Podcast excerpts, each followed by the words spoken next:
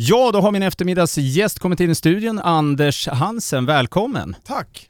Eh, det är faktiskt andra gången vi träffas. Första gången det var när du släppte din debutbok, eh, Järnstark.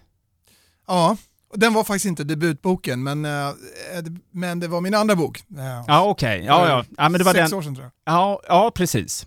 Eh, men Anders, du eh, har varit här på ett eh, och pratat eh, på ett eh, föredrag för Nordea mm. i Båstad och jag tänkte att vi skulle gå in lite grann på din senaste bok, mm. Depphjärnan.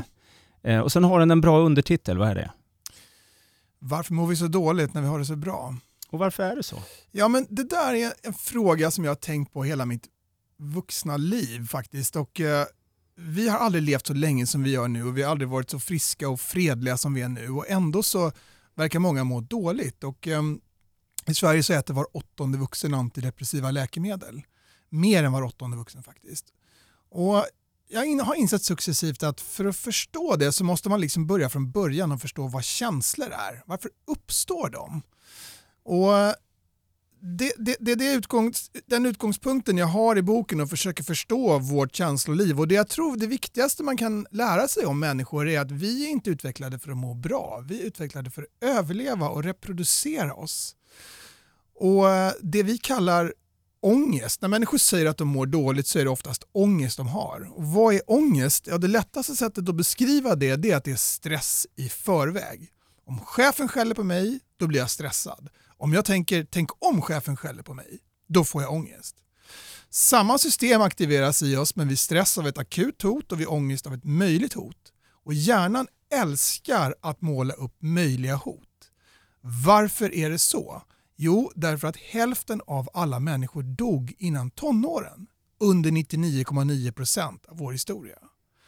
Det betyder att vi är ättlingar till de som inte dog innan tonåren per definition och vad har folk dött av? Ja, folk har inte dött av hjärtinfarkt och cancer under vår historia utan folk har dött av infektioner, svält, blödningar, mord, olyckor. De som målade fan på väggen, såg katastrofer överallt, de hade bättre odds att klara livhanken. Och därför så är det inte så konstigt att vi även i vår moderna tid har ångest och ser världen som farligare än den är. Och Jag brukar säga det till mina patienter att det är inte konstigt att det finns människor som har ångest. Det är konstigt att det finns människor som inte har ångest. Och Det är egentligen de som borde ha en diagnos. och, och när man presenterar det på det sättet då säger en del att nu fattar jag. Det är inget fel på mig. Jag är inte trasig. Jag är inte skadat gods.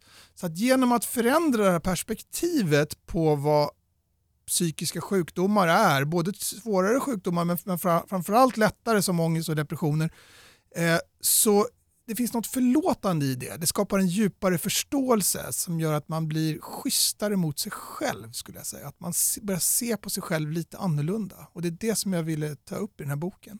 Och det är ju jätteviktigt. Det är ju jättemånga som behöver veta detta. Ja, jag tror det, verkligen. Med tanke då på att var åttonde vuxen äter antidepressiva läkemedel så är det det. Och eh, just den här hur man ser på sådana här saker har jag märkt kliniskt. Det spelar bara genom att sätta upplevelse av obehag eller oro eller nedstämdhet i ett annat perspektiv och försöka förstå vad det är. Vad är det min hjärna gör? Så kan, det kan vara väldigt lindrande i sig. Och går man i psykoterapi så är en viktig funktion av det att man ska försöka se sig själv på helikopterplatt, från helikopterperspektiv. Man försöker se sig själv lite från ovan. Varför gör jag som jag gör i vissa situationer? Och att se sig själv utifrån hjärnans perspektiv, som jag försöker göra i den här boken, det hjälper en att ta det här helikopterperspektivet. Och, och, eh, Det finns en scen i en film som heter Trollkarlen från Oz där huvudpersonen Dorothy hon är rädd för en trollkarl i den här filmen och i slutet så dras draperiet bak, eh, som trollkarlen står undan och så ser hon att det är bara en bluffmakare som står och trycker på knappar och drar i spakar och han har arrangerat det här spektaklet för att hjälpa henne. Och lite så är det med ångest, när man liksom drar bort draperiet och ser vad det egentligen är. Varför hjärnan gör, skapar det här och varför det inte är något farligt utan att den faktiskt försöker hjälpa en.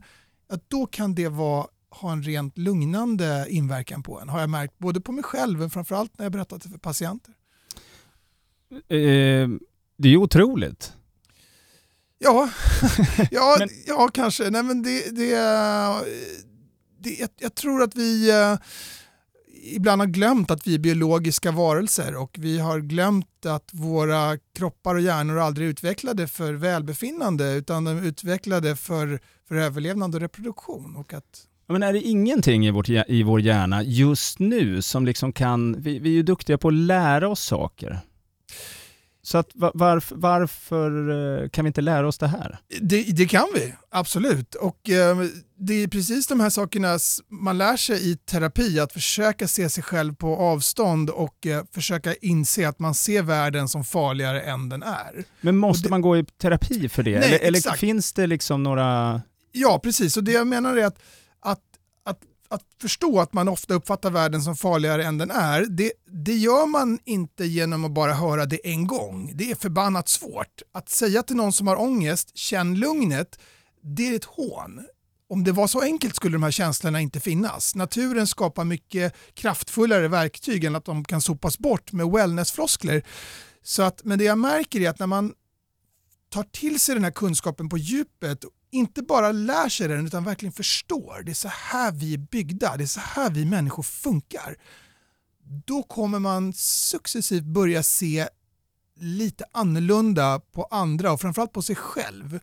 Och har jag märkt då att man blir faktiskt schysstare mot sig själv. Man blir mer förlåtande mot sig själv.